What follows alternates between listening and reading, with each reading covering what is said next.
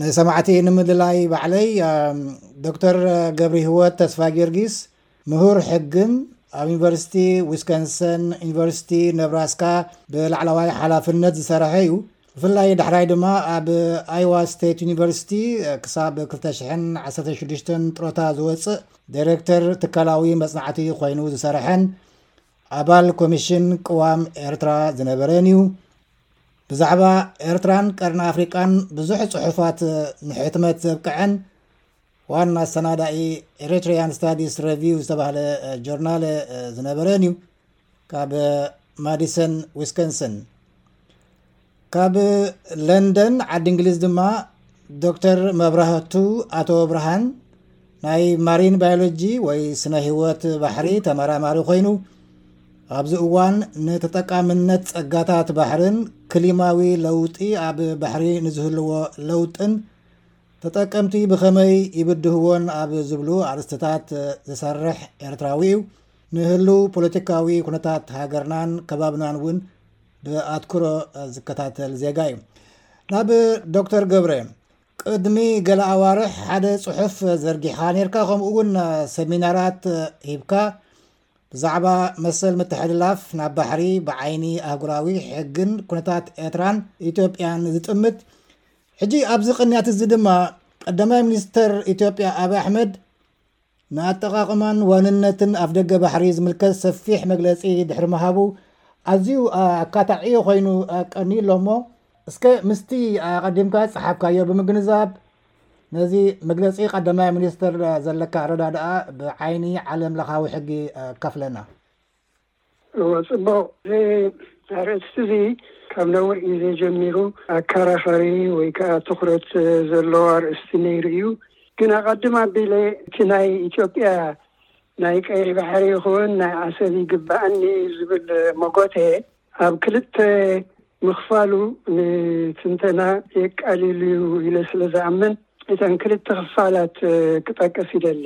ሓደ እንታይ እዩ ከምቲ ዝጠቐስካዮ ፕራይም ሚኒስተር ኣብይ ኣሕመድ ኣብ ታሪኽ፣ ጆግራፊ፣ ባህሊ፣ ዘርኢ ዝኣመሰሉ ረቋሒታት መሰረት ብምግባር ናይ ምውናን ዘስምዕ መደረታትን ጠለባትን እዩ።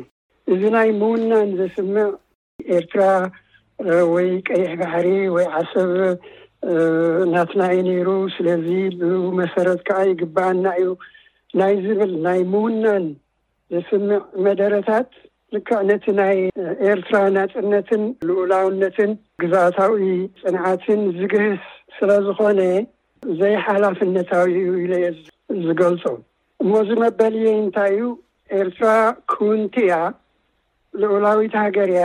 ጆግራፊ መግለጺኣ ከኣ ማለተይ ደፊኒሽን ናይ ኤርትራ በቲ ብመግዛእቲ ግዜ ዝተደኮነት ኮይና ገማግም ቀይሕ ባሕርን ዓሰብን ወሲኽካ ኣብቲ መግለጺኣ ኢንተግራል እዩ ማለተይ እየ። እዚ መግለጺ እዚ ካብ መበል ዓሰርተ ትሽዓተ ዘመን ጀሚሩ ክሳብ ሕጂ ዘሎ እዩ እቲ ደፊኒሽን ናይ ኤርትራ ማለተይ እየ። ኣብ ግዜ ናይ ሕቡራት መንግስታት ብዛዕባ ናይ ጣልያን ግዝኣታት ንምውሳን ኤርትራ ትበሃል እንታይ ክበሃል ከሎ እዚ መግለጺ እዚ እዩ ነይሩ ማለት እዩ። ማለተይ ኤርትራሲ በቲ ሕጂ ዘላቶ ናይ ቀይሕ ባሕሪን ዓሰብን ኩሉ ወሲኽካ እዩ። ድሒሩ እውን እቲ ቃልሲ ንናጽነትን ንርእሰ ውሳኔ ናይ ህዝቢ ኤርትራን ዝተኻየደ ናይ ነዊሕ ግዜ ቃልሲ እውን እታ ኤርትራ ንሳ እያ። ኣይትቑርመማ ኣይትሽርመማ እቲ መግለጺኣ እዙይ ኮይኑ ኣብ ሽሕን ትሽዓተ ሚእትን ተስዓን ሓደን ረኺባ ደሓር ከኣ ብወግዒ ብሽሕን ትሽዓተ ሚእትን ተስዓን ሰለስተን ረፈረንደም ኣካይዳ ተፈሊጣ ማለት እዩ ናጻን ልኡላዊትን ሃገር ብምዃን። ሞት ክትፍለጥ ከላ ከኣ ኢትዮጵያ ከይተረፈት እቲ ኣፍልጦ ዝሃበታ እያ። ስለዚ ናብ ናይ ቀደም ናትና ነይራ እያ እሞ ትግበኣና እዩ ዝብል ኣበሃህላ ዝተመጎተሉን ውድኡን ነገር ስለ ዝኾነ ናብኡ ኣቲኻ ንሱታት ምልዕዓል እቲ ዘይሓላፍነታዊ እዩ መበል የኢናይ ፕራይም ሚኒስተር ኣብይ ኣሕመድ መደረ ሕጂ። ጽቡቕ ጽንሕ ኢልና ናብቲ ንኣጠቓቕማ ወይ ንዋንነት ባሕሪ ዝምልከት እቲ ዓለምለኻዊ ሕጊ እንታይ እዩ ዝብል ናብ ዝብል ክምለሰካ እየ። ቅድሚኡ ግን ናብ ዶክተር መብራህቱ ኣቶ ብርሃን ዓዲ እንግሊዝ ብመጀመርያ ብውልቂ ካብ ሻውዓይ ክፍሊ ዝጀመረ ናይ ቁልዕነት መማህርተይ ምርካበይ ልዑል ባህታ ይስምዓኒ። ብዝኾነ ብቐጥታ ብቐጥታ ናብ ሕቶይ ጥቕልል ዝበለ ገምጋም ይህልወካ መቸም ብፍላይ ግን ብዛዕባ ኣገዳስነት ኣፍደገ ባሕሪ ልዕሊ ሚእትን ዕስራን ሚልዮን ብዝሒ ህዝብን ባህርያዊ ጸጋታትን ንባሕሪ ሓጺር ቅርበት ዘለዋ ኢትዮጵያን ዝርግሐ ህዝብታታን ንቅርበት ምውናን ባሕርን ዝምልከት ዘረባ ቀዳማይ ሚኒስተር ኣቢይ ገምጋምካ? የቐንየለይ ተወልደ ቪኦኤ ከምኡ ውን ሰላም ዶክተር ገብረ ከምቲ ዝበልካዮ ናይ ቁልዕነት ሌላ ኣለና ሕጂ ውን ኣብዚ ዕድል እዚ ብሓደ ክንራኸብ ምኽኣልና ናይ ብሓቂ ሕጉስ እየ ናብቲ ዝበልካዮ ሕቶ ዶክተር ኣብይ ኣብቲ ዘቕረቦ ምናልባት ቅድሚ ዶክተር ኣብይ ምባልና እዚ ኣርእስቲ እዚ ዳርጋ ንነዊሕ ዓመታት ውልዕ ጥፍእ እንዳበለ ክኸይድ ዝጸንሐ እዩ። ብፍላይ ድሕሪ እቲ ኲናት ዶብ ናይ ኤርትራን ኢትዮጵያን ድሕሪ ውዕል ኣልጀርስ፣ መንግስቲ ኢትዮጵያ ንውዕል ኣልጀርስ ነቲ ኩነታት ናብ ውዕል ኣልጀርስ ምስ ወሰዶ ድሕሪ እቲ ውሳነ ተቓወምቲ ውድባት ናይ ኢትዮጵያ ብፍላይ እቲ ቅንጅት ዝበሃል ዝነበረ ኣብ ነፍሲ ወከፍ ምርጫ ናይ ምርጫ እዋን ናይ ኢትዮጵያ ኣፍደገ ባሕሪ ከም ቀንዲ ኣጀንዳ ኮይኑ እዩ ዝቐርብ።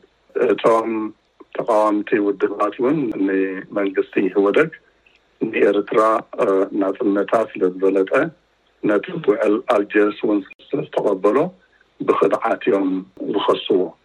እዚ ዶክተር ኣዕቢ ብቐዳማይ ዘቕረቦ ጽሟቕ ናይቲ ክበሃል ዝጸንሐ ብፍላይ ከኣ መሰረቱ ናይ ዶክተር ያቆብ ሃይለማርያም ዝተባህለ ሓንቲ ንእሽተይ መጽሓፍ ዳርጋ መጽሓፍ ክትብላውን የጸግም እዩ ናብ ፕሮፖጋንዳ ትኸይድ ንህዝቢ ስምዒቱ ተለዓዕል መጽሓፍ ካብኡ ተመስሪቱ እዩ ብናይ ዶክተር ኣብይ ናይ ትማሊ ኣቀራርባ ካብቲ ዶክተር ያቆብ ዝብሎ ንኣብነት ዶክተር ኣቢ እውን ዝደገሞ እዚ ሎሚ ዘሎ መንግስቲ እኳ እንተዘይፈለጦ ብሕጂ ብደሓር ካብ ሎሚ ንደሓር ንኢትዮጵያ ዝፈቱ ሃገራዊ መንግስቲ ምስ ዝመጽእ ነዚ ሕቶ እዚ ከልዕሎ እዩ።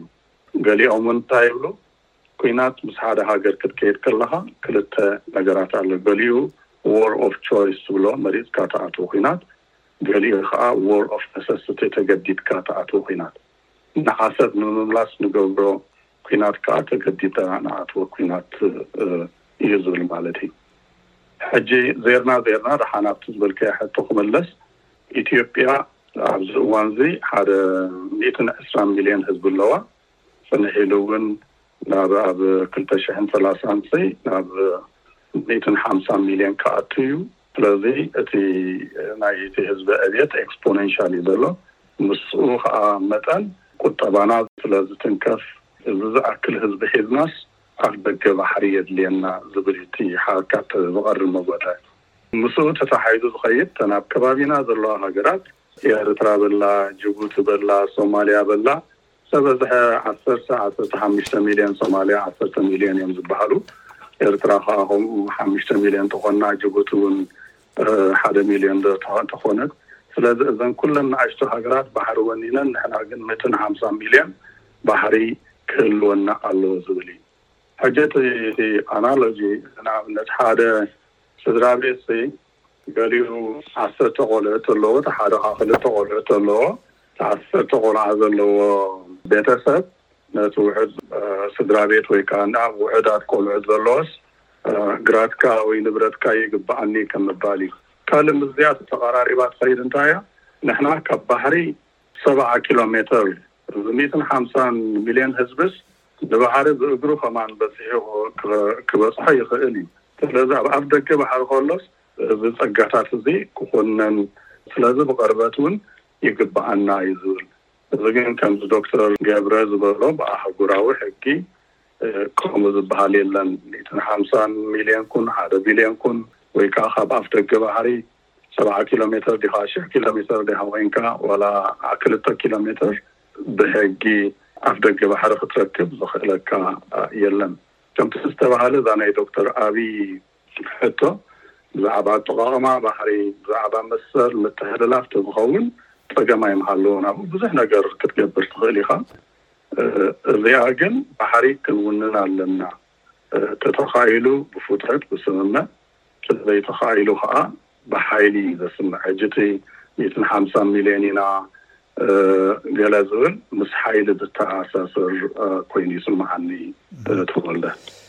ጽቡቕ ግልጺ ኮይኑ ዘይምዝራቡ ኣታዊ ወጻኢ ምንባሩ ንኽትዕ ዝተኸፍተ እዩ ነይሩ ዝመስል ብዝኾነ ኮይኑ ግን ኣብቲ ሕጊ ናይ ባሕሪ እንተተመለስና ናብ ዶክተር ገብሪሂወት ሕጊ ባሕሪ እንታይ እዩ ዝብል ብፍላይ ንሃገራት ብርሕቀትን ብቁፅሪ ህዝብን ኣብ ግምት ኣእትዩ ንኣጠቃቅማን ዋንነትን ባሕሪ ዝምልከት ዓለማዊ ሕጊ እንታይ እዩ ዝብል ናይ ሕቡራት ሃገራት? ራይት ኣብቲ መጀመርያ ክጅምር ከለኩ ኣብ ክልተ ክንከፍሎ ኣለና እቲ ናይ ኢትዮጵያ ጠለባት ኢለ ነይረ እሞ እታ ካልኣይቲ እንታይ እያ ከም ኣፍደገ ኣልባ ባሕሪ በታ ኣፍደገ ባሕሪ ዘለዋ ሃገር ኤርትራ ኣቢልና ናብ ናይ ቀይሕ ባሕሪ ናይ ምስግጋር መሰል ኣለና ዝብል እንተዝኸውን ነይሩ ግቡእ ኣበሃህላ እዩ። ምኽንያቱ ንሓንቲ ኣፍደገ ባሕሪ ኣልባ ሃገር ናይ ምትሕልላፍ ወይ ከኣ ናይ ምስግጋር መሰል ንክህልዋ ኣህጉራዊ ሕጊ ይፈቕደላ እዩ እሞ፣ እዚ መሰል ናይ ምስግጋር ናብ ባሕሪ ንቡርን ግቡእን ሕቶ እዩ። ነዚ መልሲ ዝምልከት ኣህጉራዊ ሕጊ ኣሎ፣ ንሱ ከኣ እዚ Law of the Sea ወይ ከኣ ናይ ባሕሪ ሕጊ ዝበሃል እዩ። ብወግዓዊ ሽሙ ናይ ሕቡራት መንግስታት ሕጊ ናይ ባሕሪ እዩ ዝብል፣ ግን ብሓጺሩ ናይ ባሕሪ ሕጊ ተባሂሉ ይጽዋዕ እዩ።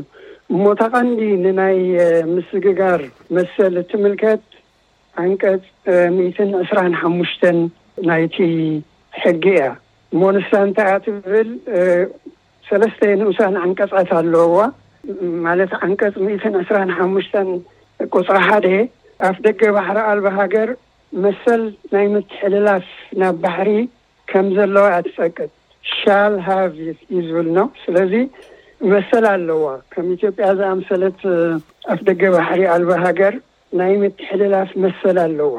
ግን እቲ ካልኣይ ንኡስ ዓንቀጽ ከኣ እንታይ ይብል፣ ነዚ መሰል'ዚ ኣገባብ ትግባሬኡ ብስምምዕ ናይ ክልቲኤን ሃገራት እዩ ዝውሰን እዩ ዝብል። ማለት ናይታ መሰጋገሪት፣ Transit፣ ሃገርን እታ Land Locked ዝኾነት ሃገርን ማለት እዩ። ቀጺሉ ሳልሳይ ንኡስ ዓንቀጽ ከኣ ናይታ መሰጋገሪት ሃገር ሙሉእ ልኡላውነት፣ ኣብ ውሽጣ ዘይምትእትታውን ድሕንነትን ከኣ ይጸቅጥ። ብሓፈሽኡ እንታይ ማለት እዩ?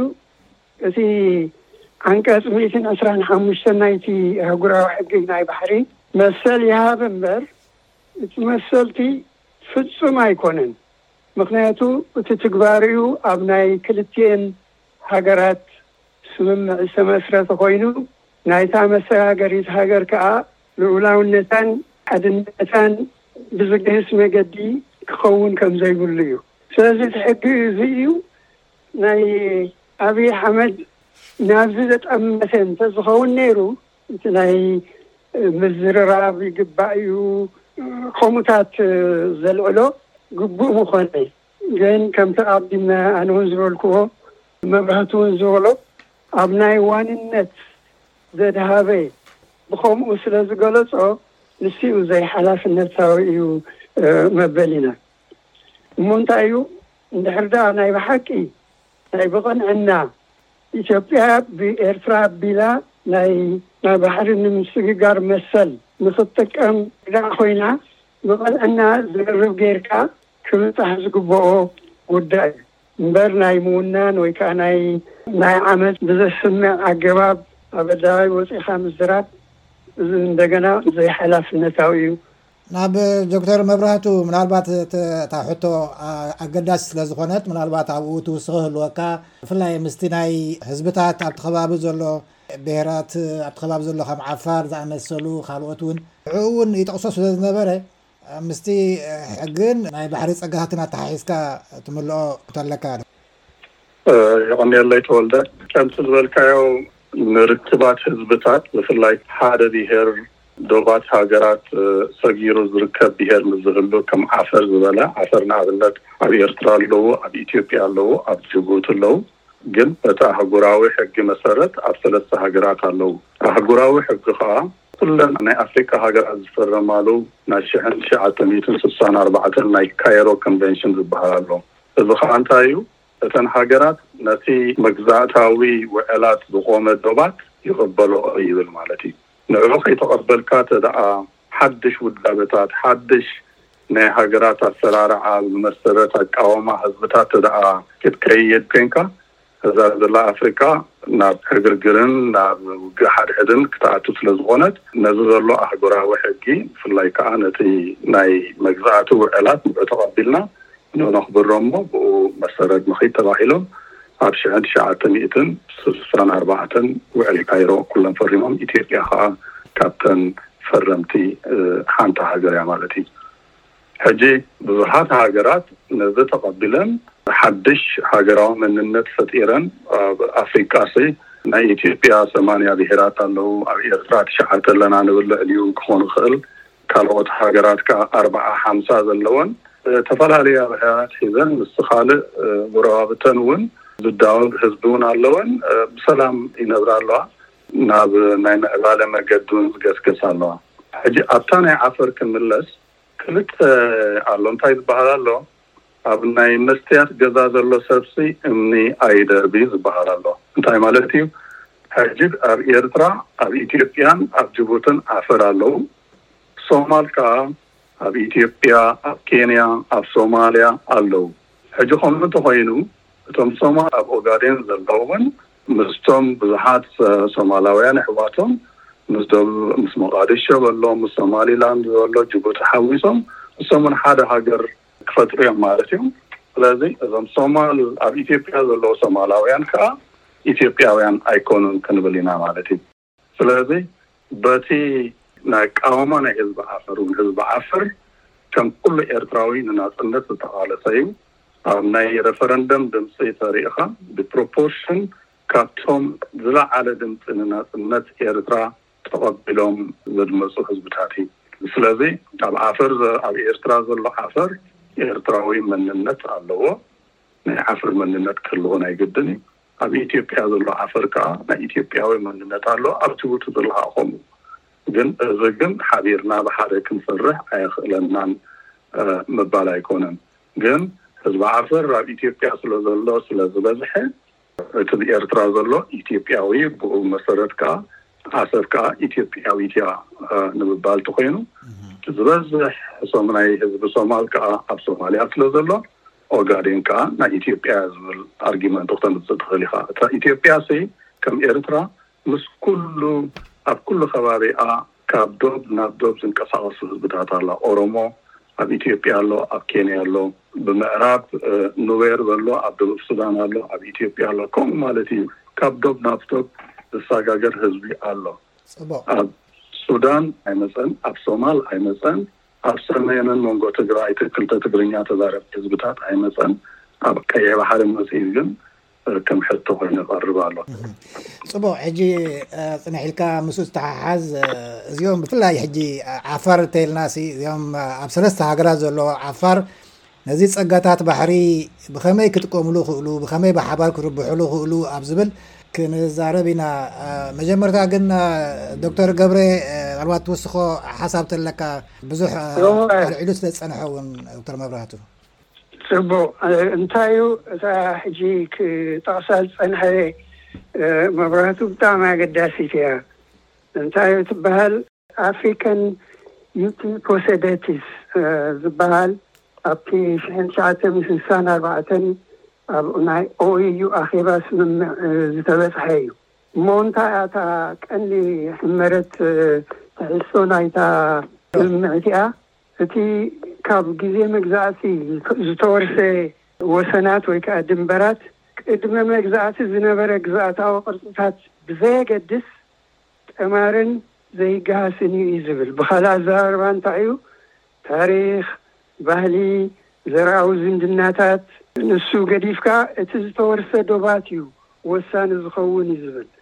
ስለዚ እዛ ናይ ኣፍሪካ ኔቲቭ ፖሴዴትስ ትብል ኣህግራዊ ሕጊ መልክዕ ሒዛ ስለዘላ፣ ንሳ ጠማሪት ኣብዚ እዋንዚ ዘምጻእካ እንተምጻእካ በቃ እቲ ናይ ቀደም ዝነበረ ታሪኽ፣ እቲ ዘሎ ዘርኣዊ ዝምድናታት ንሱ ምናልባት ዛንታ ኣገዳስነት ክህልዎ ይኽእል እዩ ግን ነቲ ሕጂ ዘሎ ኩነታት ልኡላውነትን ናጽነትን ናይ ናይ ኤርትራ ዝምልከት ኣይኮነን። ጠማሪ እንታይ እዩ በቃ እቲ ኤርትራ በቲ ኣቐዲመ እቲ ደፊኒሽን ኢለ ዝጠቐስክዎ ንሳ እያ ንሱ እዩ ወሳኒ ዝኸውን እምበር ናይ ታሪኽ ኣምጺእኻ ንኣብነት ኣብይ ኣሕመድ እንታይ ይብል ነይሩ ኣሉላስ ቀይሕ ባሕሪ ባህርያዊ ወሰን ናይ ኢትዮጵያ እዩ ኢሉ ኣብ ርእሲኡ እውን ናይ ሃይለስላሴ ስእሊ ምስ ምስሊ ናይ ባጽዕ እንዳርኣየ የማይካድ ታሪክ ነው።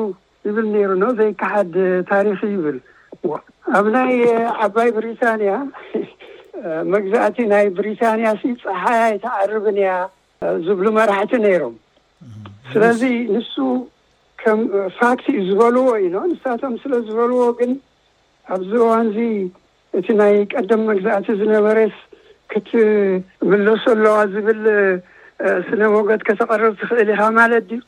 ኣይኮነን እዚ ስነ ሞጎት እዚ ኣብ ታሪክን ካልእን ዝተመስረተ ተሞጊትሉ እዩ ደም ፈሲስሉ ውፅኢቱ ከዓ ናይ ኤርትራ ናፃን ልኡላውን ሃገርን ኮይና እያ ማለት እዩ ኣብ ውዱእ ነገር ተመሊስካ ምትኹስዃኽ ዘይሓላፍነት እዩ መበለየይ ንሱ እዩ።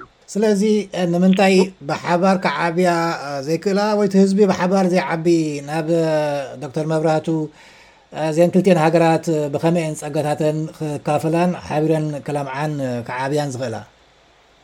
እዚ ንዛረበሉ ዘለና ኣርእስቲ ብዛዕባ ናብ ልኡላውነት ዝተንከፈ ስለ ዝኾነ ደኣ ኢና ንዛረብ ዘለና እምበር እቲ እቲ ኣቀራርባ ናይ ዶክተር ኣብይ ኢትዮጵያ ባሕሪ ክህልዋ ኣለዎ ብፍላይ ከኣ እቲ ኩሉ ብቐጥታ እኳ ኤርትራ እንተዘይበለ እቲ ኩሉ ዘምጽኦ ዝነበረ ምልክታት ንኤርትራ ስለዝምልከት ኢና ንዛረበሉ ዘለና እምበር ክልተ ኣብ ዶብ ዝዳወብ ህዝቢ ብሓደ ክምዕብል ክገብሮ ዝኽእል መወዳእታ የብሉን እቲ ዕድላትሲ ዶባት የብሉን እንታይ ደኣ እቲ ጥዑይ ፖለቲካ ምስ ዝህሉ፣ ጥዑይ ርክባት ምስ ዝህሉ፣ እሞ ኸኣ ሰላማዊ ርክብ ምስ ዝህሉ ብዙሕ ነገር ክግበር ይከኣል እዩ።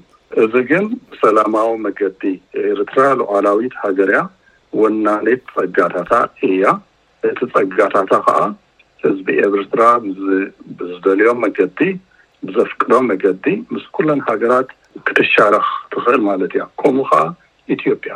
ሕጂ ኣብቲ ዶክተር ኣቢ ዝብሎ ዝነበረ ኢንቨስት ክንገብር ኢልናዮም ንኣብነት ካብ ግድብ ኣባይ ኤለክትሪሲቲ ክትጥቀሙ ወይ ከኣ ኣብኡ ክትውንኑ ኢልናዮም ናይ ኢትዮጵያን ኤርላይንስ ክትጥቀሙ ካብኡ እውን ሼር ክህልወኩም ካብ ናይ ኢትዮጵያ ተለኮሚኒኬሽን ሼር ክህልወኩም ኢልናዮም ይብል እዚ ኩሉ ጽቡቕ እዩ ብወገን ኤርትራ እውን ከምኡ ብዙሕ ክግበር ይከኣል እዩ ኢትዮጵያውያን ኣፈርቲ ኣብ ናይ ኤርትራ ጸጋታት ኣብ ወደብ በሎ ኣብ ወፍሪ ዓሳ በሎ ኣብ ካልእ ጸጋታት ክሳተፉ ዘየኽእል ዋላ ሓደ ነገር የለን ተደኣ ብሰላማዊ መገዲ ብፍላይ ከኣ ህዝቢ ምስ ህዝቢ ዘለዎ ርክብ ምስ ዝፍጠር ኣብዚ ቀረባ እዋን ዝረኣኹዎ ስታተስቲክስ እንታይ እዩ ዝመስለካ ኣብ ቀርኒ ኣፍሪቃ ዘሎ ህዝብታትሲ ኣብ ውሽጢ ሸሞንተ ሚእታዊት ጥራሕ እዩ እቲ ኣብ ውሽጢ ዘካይዶ ንግድታት።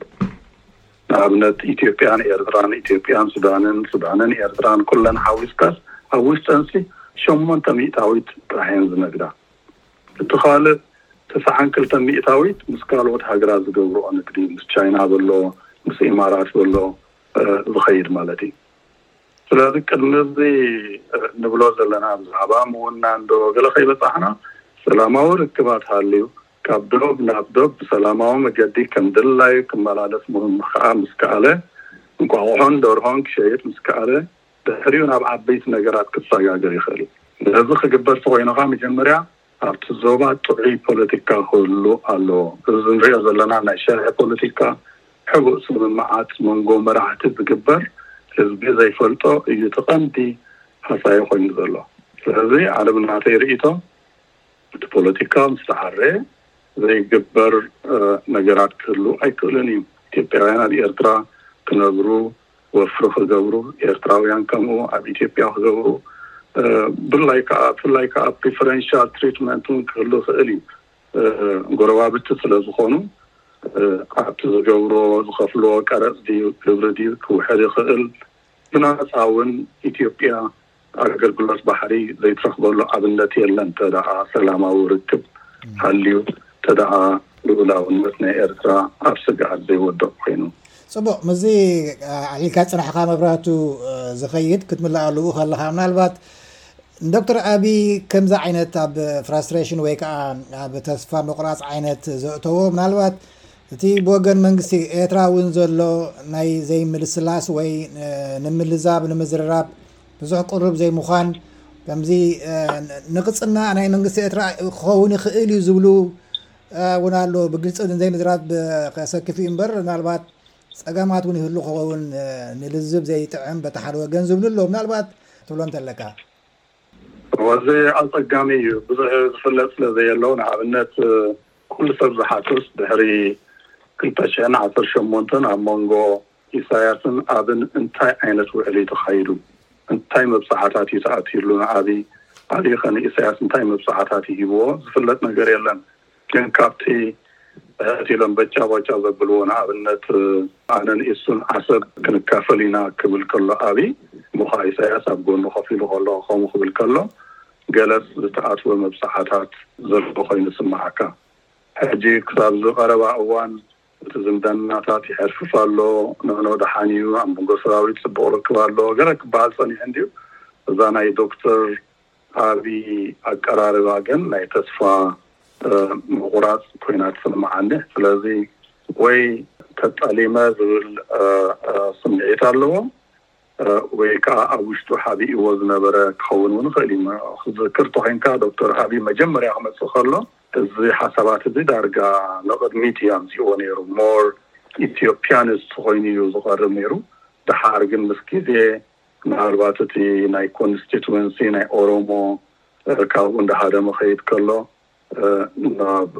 ናብ ኦም ንምምላስ ዝብል እቲ ኢትዮጵያዊ ዝብል ናይ ምንሊክ ዶ ናይ ሃይለስላሴ ዝብሎ ዝነበረ ገዲፍዎ ዳርጋ ኣወንዚፍዎ እዩ ጸኒሑ ሕጂ ከኣ ንላዕሊ ዘምጽኦ ዘሎ ይመስል ካልእ ውን ብወገን ኤርትራ እዚ ኣብ ውሳኔ ወይ ከኣ እቲ ውዕል ፕሪቶርያ ኤርትራ ከምዘይ ከም ዘይሐጎሰስ ኢሰያስ ኣግሂዱ ገሊጽዎ ኢዩ ተኾሊፍና ዝበሎ ኣሎ ስለዚ እቲ ዝተባህለ ውዕል ኣየበጻሕናዮን ስለዚ ኢሰያስ ውን ንኣብይ ጠሊምካኒ ክብሎ ይኽእል ኢዩ ግን ኣግሂደ ዝፈልጦ ነገር የም መን ንመን ጠሊሙ ክፍለጥ ኣይከኣልን ኢዩ ግን ብሓፈሽኡ እቲ ዝድና ኣዝዩ ሓርፊፉ ናብ ሕማቕ ከም ዝኸደ የመልክት መሰን እዚ ናይ ዶክተር ኣብይ ጽቡቕ ኣቀራርባ። ናብ ናብ ዶክተር ገብሪ ገብሪ ህይወት እዋ ኣብኡ ክትውስኸሉ እየ ደልየካ ምናልባት እ፣ ስለምንታይ ኣባይ ስለምንታይ ኣብዚ እዋን እዚ ዝብል ነገር እዩ እቲ ሕቶ ኣቐዲሙ ክትንክፎ ዝጸንሐ መብራህቱ እሞ እ፣ ሕራይ ቀጽል እወ ዝገርመካሲ ኣብቲ ኣቀራርብኡ ፕራይም ሚኒስተር ኣብይ ሓደ ሓደ ዝጠቐሶ ግቡእ ነጥብታት ነይሩ ግንሲ ብግጉይ መንገዲ ስለ ዝበፅሖ ዳኣ እምበሪ ንኣብነት እቲ ዝርርብ የድልየና እዩ ኣብ ክንዲ በዚ ምዝርራብሲ ኣብ ሓደጋ ዘእቱ ስለዝኾነ ታቡ ኢልካ ምሕላፉ ጽቡቕ ኣይኮነን ክብል ከሎ ምዝራብ ዝመስሎሲ የለን ምኽንያቱ እቲ ኣቐዲምካ ክልቲኤንሲ ብኸመይ መንገዲ ክቕጽላ ይኽእላ እንዲኻ ኢልካ ስለዚ እቲ ዝርርብ ብውጉይ መንገዲ ዝበጽሖ ዝበልኩሉ ምኽንያት ኣብቲ ናይ ምውናን ዘስምዕ መደረታት ብኡ ጀሚሩስ ስለ ዝበጽሖ ኢምበር እቲ ዝርርብ ኣድላዪ ምዃኑ ምቅርራብ ኣድላዪ ምዃኑ እሞ ከኣ ንኣብነትሲ ኢትዮጵያስ ከመይ ገይራ እያ ናብ ኣፍደገ ባሕሪ ናይ ምስግጋር መሰል ክትረክብ ትኽእል ብኸምኡ ኣፕሮች ገይርዎ ተዝኸውን እቲ ሓድሓደ ዘቕርቦ ዝነበረ ነጥብታት ግቡእ ምኾነ ነይሩ። እሞ እንታይ እዩ እንድሕሪ ድኣ እቲ ዝፈቕደላ ኣህጉራዊ ሕጊ ኢትዮጵያ ናይ መሰል ናይ ምስግጋር ክትጥቀመሉ ደልያ ክልቲኤን ሃገራት ኣብዚ ሕጂ ዘለዎ ናይ ዘይምርግጋእ ኩነታት ዘይኮነሲ ሰላም ሃልዩ ኣብ መንጎ ክልቲኤን ሃገራት ንክልቴኻ ብዝጠቅም መንገዲ ዊን ዊን ሲትወሽን ዘምፅእ ብኸምኡ ኣገባብ እንተዝላዘባ እሞ ኣብ ስምምዕ እንተዝበፅሓ ፅቡቕ ነይሩ ግን ኣብዚ እዋን እዚ ቁሩብ ዓንተቦይ መብራህቱ ከምዝጠቐሶ እንታይ ዓይነት ስምምዕ ከምዘሎ ኣይንፈልጦን ኢና። ብወግዒ ዝተበጽሐ ስምምዕ እንታይ ከም ዝኾነ ፍሉጥ ኣይኮነን። ይሃሉ ኣይሃሉ ሓበሬታ ኣነ ብነብሰይ የብለይን። ግን እቲ ሓንዲ ኣገዳሲ ዝኸውን እንታይ እዩ፣ ኣብይ ኣሕመድ ኣብዚ እዋንዚ ስለምንታይ እዩ ብኸምዚ ኣፕሮች ኣብ ኣደባባይ ወጺኡ ብዛዕባ ናይ ቀይሕ ባሕርን ዓሰብን ክዛረብ ዝተገደደ ዝብል ሕቶ ኣገዳሲ ይመስለኒ። ብናተይ ግምት እንታይ እዩ በቃ ኣብቲ ዘሎ ናይ ቅልውላው ኩነታት ናይ ኢትዮጵያ ምናልባሽ እዚ ናይ ቀይሕ ባሕርን ጉዳይ ኣብ ብዙሓት ኢትዮጵያውያን ካብ ቅድም ኣትሒዙ ዝጸንሐ ሰንቲሜንት ስለዝኾነ ንዕኡ ንምምዝማዝ ነቲ ዘሎ ኩነታት ፖለቲካዊ ጠመተ ንምቕላስ ዘምጸኦ ናይ ፖለቲካ ስታንት ኮይኑ እዩ ዝስመዓኒ ኣብዚ እዋንዚ። ኣብቲ ስምምዕ ናይ ክልተ ሽሕን ዓሰርተ ሸሞንተን ምናልባት ካልእ ዝተፈለየ ስምምዕ እንተዝህልዎም ኣብዛ ሕጂ ዝተገብረት ሓጻር ምላሽ ናይ መንግስቲ ኤርትራ ኣይምተራእየን ነይሩ፣ ናይ ኩራ ዝመስል ኣይምተጻሕፈን ኣይምተዋህበን ዝብል ኣረኣእያ እውን ኣሎ። ብተወሳኺ ከኣ ብጀካ እቲ ዝረኣናዮ ነጥብታት ኣብ ጅዳን ኣብ ኣስመራን ዝተፈረመ ካልእ እንታይ ክህሉ ይኽእል ንሱ ብግልጺ ይዛረብ እዩ ናይ ሉኣላውነትን ናይ ጸጥታን ዝብል እውን ኣሎ። ብዝኾነ ግን ኣብይ ኣሕመድ ናብ ቤት ፍርዲ ስለምንታይ ክኸይድ ዘይመረጸ ዶክተር ገብረ ማእኸላ ሕፅር ኣቢልካ ንኣብነት ናይ ቦሊቪያን ናይ ቺለን ንፈልጦ ኢና ሓሙሽተ ዓመት ላል ተባሂለን መጨረሽታ ናይ ችለ ሉዓላዊ ስልጣን ምዃኑ እዩ ተፈሪዱ። ስለዚ ናብ ቤት ፍርዲ ከይከደ ጥራይ ከምዚ ገይሩ ብስምምዕ ብረብሓ ህዝብታት ከባብታት ምዝራቡ ዶክተር ኣብይ ምናልባት ናብ ኩራይ ኣተናን ናብ ፅልኢ ኣተናን ናብ ቤት ፍርዲ ዘብፅሕ የብልናን ዝብል ኣረኣያ ዶ ክኸውን ይኽእል ወይ ስለምንታይ? ምክንያቱ ድሕሪ ውግእ ኣቲኻ መጨረሽታ ናብ ቤት ፍርዲ ምኻድ እውን ስለ ዘይተርፍ። ዌል ክስታይ እኮ የለን ማለተይሲ ናብ ቤት ፍርዲ ትኸይድ እኮ እንታይ እዩ ስምምዕ ሃልዩሲ ኣብቲ ስምምዕ እቲ ሓደ ወገን እንድሕር ደኣ በቲ ስምምዕ መሰረት ክተግብሮ ዘይክኢሉ እቲ ስምምዕ ኣይተግበረን ኢልካ ኢኻ ናብ ቤት ፍርዲ ትኸይድ ኣብዚ እዋንዚ ግንሲ ኣብ መንጎ መንግስቲ ኤርትራን ኣብ መንጎ መንግስቲ ኢትዮጵያን ዝተበጽሐ ናይ ባሕሪ ምስግጋር መሰል ዘሎ ኣይመስለንን። ስለዚሲ እቲ ቀዳማይ ሕጂ ክግበር ዘለዎ ኣብ ስምምዕ ስምምዕ ምህላው ክግበር ከም ዘለዎ እዩ እምበሪ ኣብ ቤት ፍርዲሲ ብምንታይ ኢኻ ክትበጽሕ ኣብ ቤት ፍርዲ ዝወስደካ እንታይ እዩ ስምምዕ ሃልዩ ንክልቲኻ ዝጠምረካ እሞ ዘይምርድዳእ ምስ ዝህሉ ኢኻ ናብቲ ቤት ፍርዲ ትኸይድ። እቲ ቤት ፍርድታት ከኣ ሓደ ንገዛእ ርእሱ ኢንተርናሽናል ትሪብዩናል ፎር ሎው ኦፍ ዘ ሲ ዝብል ኣሎ። እዚ ኢንተርናሽናል ኮርት ኦፍ ጃስቲስ ኣሎ። ካብኡ ሓሊፉ ከኣ ኣብቲ ስምምዕ ናይ ኣርቢትሬሽን ትሪብዩናል ክትምስርት ትኽእል ኢኻ። ስለዚሲ ናብ ቤት ፍርዲ ዘብጽሕ ጉዳይ የለን እየ ዝብለካ ዘለኹ እንታይ እዩ እቲ ስምምዕ ክሳብ ሕጂ ስለ ዘይተገብረ ኣትሊስት ንፈልጦ ነገር ስለ ዘየሎ ናይ ቤት ፍርዲ ጉዳይ ከተልዕልሲ ወይ ከዓ ኣብይ ናብ ቤት ፍርዲ ዘይምኻዱ ዝብል ሕቶ ሬሌቫንት ኣይመስለኒ ናብዚ እዋን ምናልባት ነቲ መሰል ይግበኣኒ እዩ ዝብል ነቲ ታሪክ እናጣቀስካ ሓደ ከይዝ ኣቅሪብካ ብጠበቓ ጌርካ ኣፍደገ ባሕሪ ናይ ምውናን ሕቶ ክቐርብ ይኽእል ዶ ንምባል እዩ ቁሩብ ደቃይቅ ዝተርፈና ዶክተር መብራህቱ ሕጂ ኣብቲ መጨረሽታ ከባቢ ኣገዳሲ ሕቶ ማለት ቀዳማይ ሚኒስትር ኣብይ መቸም ኢትዮጵያ ብዝኾነ መንገዲ ወናኒት ባሕሪ ምዃና ከምዘይተርፋ ይመስል ኣገላልፁ እዚ ኣብ ሰላም ቀርኒ ኣፍሪቃን ብፍላይ ኣብ ክልቲኤን ሃገራት ኢትዮጵያን ኤርትራን ከ እንታይ ዓይነት ፖለቲካዊ ጽልዋ ወይ ሳዕቤን ክህልዎ ይኽእል ትብል?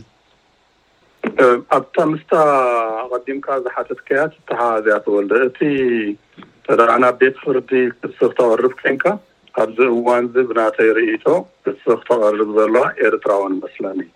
ምኽንያቱ እዚ ኣብይ ዝብሎ ዘሎ ብታሪኽ ብምውካስ ድዩ እዚ ናይ ዝምድና ወይ ከኣ ናይ ዘርኢ ዝምድናታት ብምውካስ ድዩ ዓሰብ ክውንን እየ ክትብል ከለኻ ሓደ ኩናት ምእዋጅ እዩ ዝመስል ካልኣይ ከኣ እቲ ኣህጉራዊ ሕጊ እውን ትደፍሮ ኣለኻ ማለት እዩ እቲ ናይ ቀደም ዝነበረ ሕግታት በሎ ድሓር እውን ኣብ ኣልጀርስ ተሓደሰ እዚ ነቲ ውዕል ኣልጀርስ ኣይቅበሎን እየ እውን ከስምዕ ይኽእል እዩ። ስለዚ ንናይ ኤርትራ ልኣላውነት ኣብ ስግኣት የውርድ ስለ ዘሎ እዚ መንግስቲ ኤርትራ እውን ዝበሎ ሓጺር ሱቕ ኢልካ ዝተሸፋፈነ ደኣ ኮይኑ እምበር ኤክሰሲቭ እዩ ዝብሎ እቲ ዝተባህለ ማለት እዩ። ስለዝስ ሕጊ ዝጥሕስ ዘሎ እንተወሓደ ብደረጃ ሓሳብ መንግስቲ ኢትዮጵያ እዩ። ናብ ኩናት ናብ ዕግርግር ከኣ ክመርሕ ስለዝኽእል ኤርትራ ናብ ውድብ ሕቡራት ሃገራት ድዩ ናብ ካልእ ጥርዓን ክተቕርብ ትኽእል እመስለኒ ብናተይ ርእይቶ። እቲ ዝበልካዮ ሕራይ እንታይ እዩ መብራህቱ ትብሎ ዘለኻ ልክዕ እዩ። ካብ ትበሃህሉ ነቲ ልኡላውነትን ናጽነትን ናይ ኤርትራ ዝግህስ ስለ ዘስምዕ ክጥንቃቐ ማለተይሲ ብወገን ኤርትራ ክሕሰበሉ ዝግባእ ይመስለኒ ግን ናብ ስጉምቲ ትወስደሉ ወይ ከኣ ናይ ሕጊ ሕግ ናይ ሕጊ ስጉምቲ ትወስደሉ ኩነታት ኣይበጽሕን ዘሎ ማለተይ እየ እዚሲ እንታይ እዩ እቲ ዕላምኡ ናይ ኣብይ ኣብዚ እዋን እዚ ከምዚ ምባሉ ሲ ምናልባሽ ብናተይ ግምት ንናይ ፖለቲካ ህልቂ ዝጥቀመሉ ዘሎ እዩ መስለኒ ስለዚ ሲ ኣብ ከምኡ ንክትበፅሕ ሕጋዊ ስጉምቲ ንክትወስድ ካብዚ ናይ ዘረባ ቁሩብ ሕልፍ ዝበለ ወይ ከኣ ካብኡ ዝለዓለ ኩነታት ክፍጠር ኣለዎ ይመስለኒ። ኣብዚ እዋንዚሲ እቲ ከምኡ ዓይነት መደረ ምስምዑ ከም ዝበልኩዎ ንፖለቲካ ሃልኪ ክኸውን ስለ ዝኽእል ብወገን ኤርትራ ሕግ ስጉምቲ ትወስደሉ ኩነታት ዝበጽሓ ኣይመስለንን።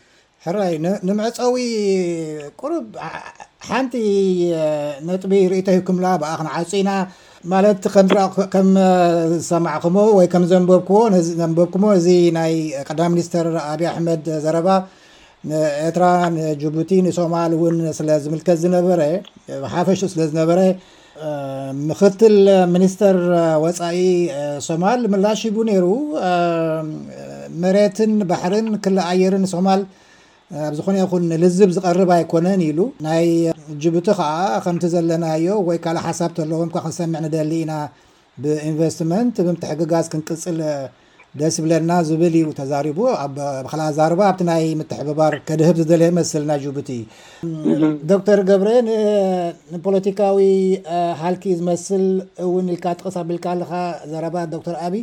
ስለዚ እስከ ብሓፂር ነዚ ኩሉ ሕጂ ክትብልዎ ዘምሰኹም ዶክተር ኣብይ ፅባሕ መፂኡ ኣይበልክዎን እንተ በለ ምናልባት ብሓጺሩ ኣቕሪበልኩም ግን ኣነ ብከምዚ ከምዚ እየ ዝብል ነይረ እምበር ብዝኾነ ወይ ብሓይሊ ወይ ብጎነጽ ኣይኮንኩን ኣነ ታሪክ ይምህር ነይረ ብዛዕባ ኤኮኖሚ እዛረብ ነይረ እምበር ብዛዕባ ፖለቲካን ብዛዕባ ውግእን ኣይልዓልኩን እንተበለኸ እንታይ ምበልኩ እንታይ መስለካ ኣብቲ ዘረብኡ ውን እኮ እዚ ክብል ከለኹ ግን በቃ ብዙሒ ህዝቢ ስለ ዘለና መሳርያታት ስለ ዘለና ብሓይሊ ክንጎብጥ ኣለና ዝብል ኣረኣእያ የብለይን ኢሉ እኮ እዩ። ስለዚሲ ብሓፈሽኡ in totality ክትሪኦ ከለኻ እቲ ኣቀራርብኡ እዩ እምበሪ ኣብቲ ሓድሓደ ዘረባ ዘውፀኦሲ ናይ ሰላም ብሰላም መንገዲ ካብኡ ሓሊፉ እውን በቃ ናይ ፌደሬሽን ዶ ኮንፌደሬሽን እውን ሓሳባት የቕርብ እዩ። ስለዚ እቲ ኣቀራርብኡ ሕንፍጽጽ ዝበለ እዩ ነው። ሕራይ። ስለዚ ኣብ ምንታይ እዩ ኣብዚ እዋን እዚ ንሱ እዩ ኣነ ዘብለኒ እንታይ እዩ በቃ ከምዚ እቲ ዘለዎ ኩነታት ሕጂ ንኣብነትሲ ናይ ህልውና ጉዳይ እዩ ይብል ነይሩ ግን ምናልባሽ ኣይ ቲንክ ናይቲ ህልውና ናይቲ ናይ ህሉ ናይ ስልጣኑ ህልውና ደኣ እምበር ናይ ናይታ ሃገር ናይ ኢትዮጵያ ህልውና ሕቶ ኣይመስለንን እቲ ናይ ባሕሪ ምስኣን ሕራይ ዶክተር መብራህቱ ከምቲ ዝተባሃለ እቲ ዘረባ ሓፈሻዊ እዩ ስፐሲፊክ ስለ ዘይኮነ ናብ ብዙሕ ናብ ትርጓሜ ክወስድ ይኽእል እዩ ናብ ጌጋ ትርጉም እውን ክኸይድ ይኽእል እዩ ኩናት ወይ ከዓ ዕግርግር ከዓ ብንእሽቶይ ጌጋ ወይ ብንእሽተይ ምዕንቃፍ እዩ ዝጅመር። ሕጂ ብናተይ ርእይቶ ከምቲ ዶክተር ገብረ ዝበሎ ሓላፍነት ዘይብሉ ኣዘራርባ እዩ እሞ ከኣ ካብ መራሒ ዘይትጽበዮ እዩ። ግን ኣነ እንታይ ተዓዚበ ዶክተር ኣቢ ጻሕ ኣይኮነን ኔሩ እዚሲ ኮርዮግራፍድ ወይ ኮኦርዲነይትድ እዩ ዝመስል ቅድሚኡ ሓደ ኣምባሳደር ወጺኡ ኢትዮጵያ ባሕሪ ክትውንን ሓያላት ሃገራት ይደልያ'የን ይድግፋ'የን ኢሉ። እታ ፕረሲደንት እውን ተፈላሊና ኢና ዘለና፣ ሃገራዊ ራኢ የብልናን ዝብል ሕጂ ምናልባት ንህዝቢ ኢትዮጵያ ኣሕቢሩ ሓደ ሃገራዊ ራኢ ክህልዎ ነቲ ከምዝተባህለ ነቲ ኣጸጊምዎ ዘሎ ኩነታት ካብኡ ክወጽእ ተኾይኑስ፣ ብዛዕባ ባሕሪ ባሕሪ እንተተባሂሉ ህዝቢ ክስዕበኒ ዝኽእል ዝብል ክኾን ይኽእል እዩ። ዘይሩ ዘይሩ ግን ሓደገኛ እዩ። ዋላ ነቲ ንብሎ ዘለና ናይ ፓርትነርሺፕ፣ ናይ ምትሕግጋዝ፣ ናይ ብሓደ ኮይንካ ወፍሪ ምግባር፣ ምምዕባል እውን ሃሳዪ እዩ ዝገብሮ። ምኽንያቱ ዘይምትእምማን ስለ ዝህሉ ነቲ ካልእ ክትገብሮ ዝኽእል ሰላማዊ ርክባት፣ ሰላማዊ ምትሕልላፍ እውን መገዲ ዝዓጹ ክኸውን ይኽእል እዩ። ኣይ ሆፕ ካልኦት ከኣ ልቢ ኣዕብዮም ክሰምዕዎ ተስፋ ንገብር። ጽቡቕ እምበር ዶክተር ገብሪሂወት ተስፋጊዮርጊስ ምሁር ሕጊ ካብ ማዲሰን ዊስከንሰን ኣሜሪካ፣ ዶክተር መብራህቱ ኣተወብርሃን ናይ መሪን ባዮሎጂ ወይ ስነ ህይወት ባሕሪ ተመራማሪ ካብ ለንደን ዓዲ እንግሊዝ ክብረት ይሃበልና። ቀጻሊ ከኣ ፍልይ ዝበለ ርእይቶ ምስ ዘለዎም ሰባት እውን ብሓንሳብ ከነቕርበኩም ክንፍትን ኢና። ንሎሚ ምሸት ግን ኣዚና ነመስግን። የቐንየልና ተወልደ። የቐንየልና ተወልደ።